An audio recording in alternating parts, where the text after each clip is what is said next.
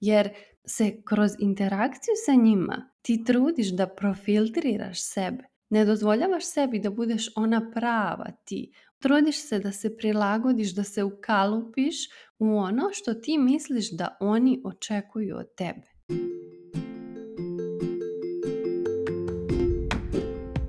Dobrodošla u novu epizodu mog podcasta u kome se bavimo ličnim razvojem i radom na sebi. Ja sam Dragana Potpara i svojim primjerom ti pokazujem kako da izabereš sebe i zaživiš svoj puni potencijal. Odnosi su jako bitna komponenta u našem životu i zato sam današnjom epizodom odlučila da ti pomognem da preispitaš svoje odnose kroz pitanja koja ću ti sada pročitati.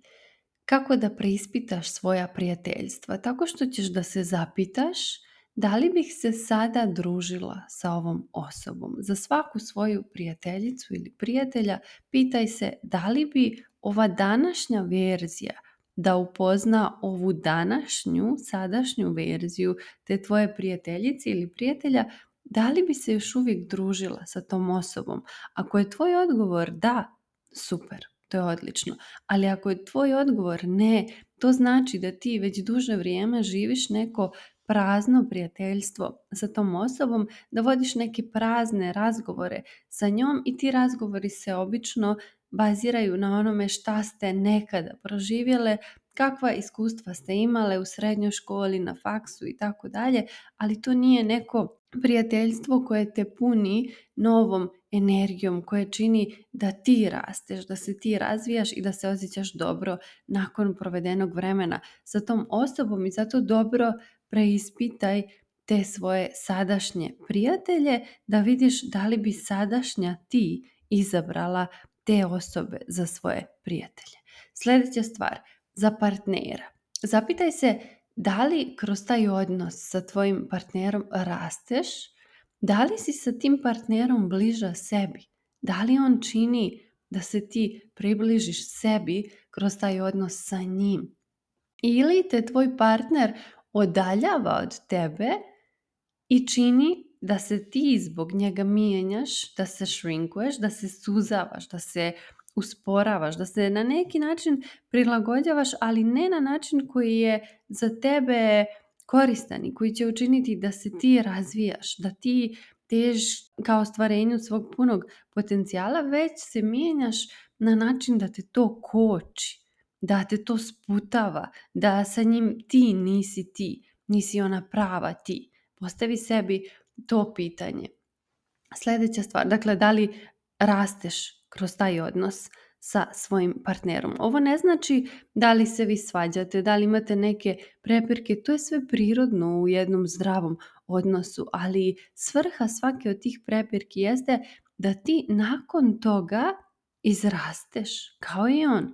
Da vi iz te svađe i prepirke izvučete neku poentu, neke zaključke i taj zaključak će da promijeni na bolje svakog od vas pojedinačno. I to je onda u redu, to je onda svrsishodna svađa i svrsishodan odnos. I onda treba to da preispitaš. Da li ti rasteš i da li tvoj partner raste kroz taj odnos sa tobom. Sljedeći odnosi koji su jako specifični, jako kompleksni su odnosi sa našom rodbinom. Postavi sebi ovo pitanje da bi preispitala te odnose sa svojom rodbinom. Da li mi provodila vrijeme sa tom osobom i da ti ona nije rodbina. I kako se osjećaš nakon svakog razgovora sa tom osobom? Da li te možda energijski crpi? Imaš moj video na tu temu kako se zaštititi od energijskih pijavica ili da bi oni nešto rekli za tebe. Što je tebi važno da oni kažu? Je li ti važno kakav utisak ćeš ti da ostaviš na tvoje kolege? I na koga želiš da ostaviš taj utisak? To jest zbog koga? Zašto? Zašto želiš da ostaviš takav utisak pred njima?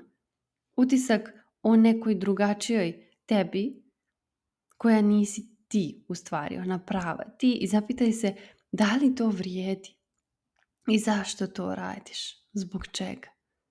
Jer moraš da shvatiš da kad nešto nije usklađeno sa tobom, na primjer, neko tvoje ponašanje, razmišljanje, šta god, ti na to trošiš mnogo struko više energije, mentalne, fizičke i emocionalne. I zato se ti osjećaš loše kad razgovaraš sa tom starom drugaricom sa kojom je odnos odavno već izgubio svoju svrhu. Jer znaš, kad neki odnos izgubi svrhu u našem životu, onda mi više ne osjećamo to neko uzbuđenje, tu neku zainteresovanost za tu osobu, za taj odnos. Jednostavno su to neki znaci kada više nemamo o čemu da pričamo sa određenom osobom, to je znak ne da je ta osoba loša i ne da treba da se svađamo sa njom, već da je taj odnos završio svoju svrhu i za nas i za tu osobu. To nije nikakav problem.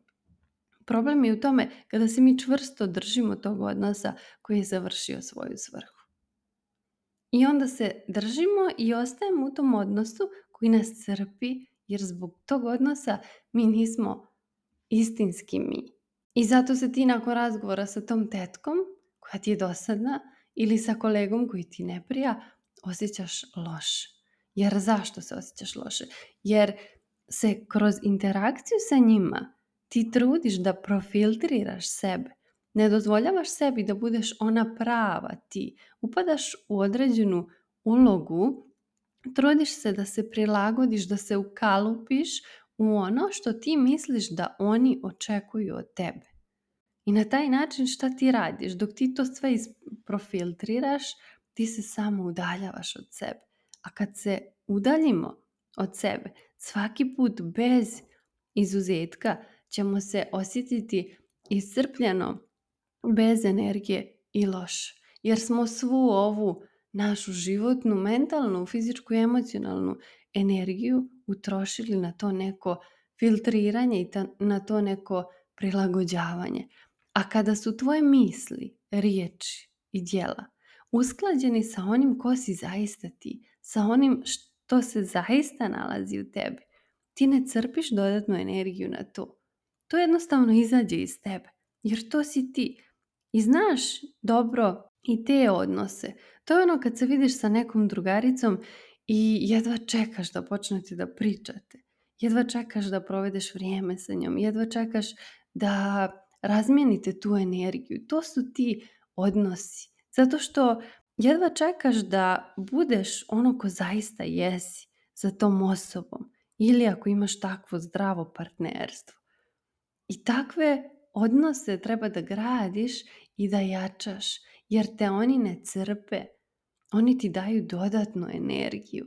Sa takvim odnosima i uz takve odnose ti možeš da budeš ono ko jesi, ne trošiš dodatnu energiju na prilagođavanje, na filtriranje, na mijenjanje sebe. Već samo prezentuješ s polja ono što se već nalazi unutra. Jer su tada, kada si ti sa tom osobom koja ti dozvoljava da budeš ona prava ti i sa kojom ti sebi dozvoljavaš da budeš prava ti. Ti si u potpunosti usklađena, što znači da ono što misliš je usklađeno sa onim što govoriš i te tvoje riječi koje izgovaraš su usklađene sa onim što radiš.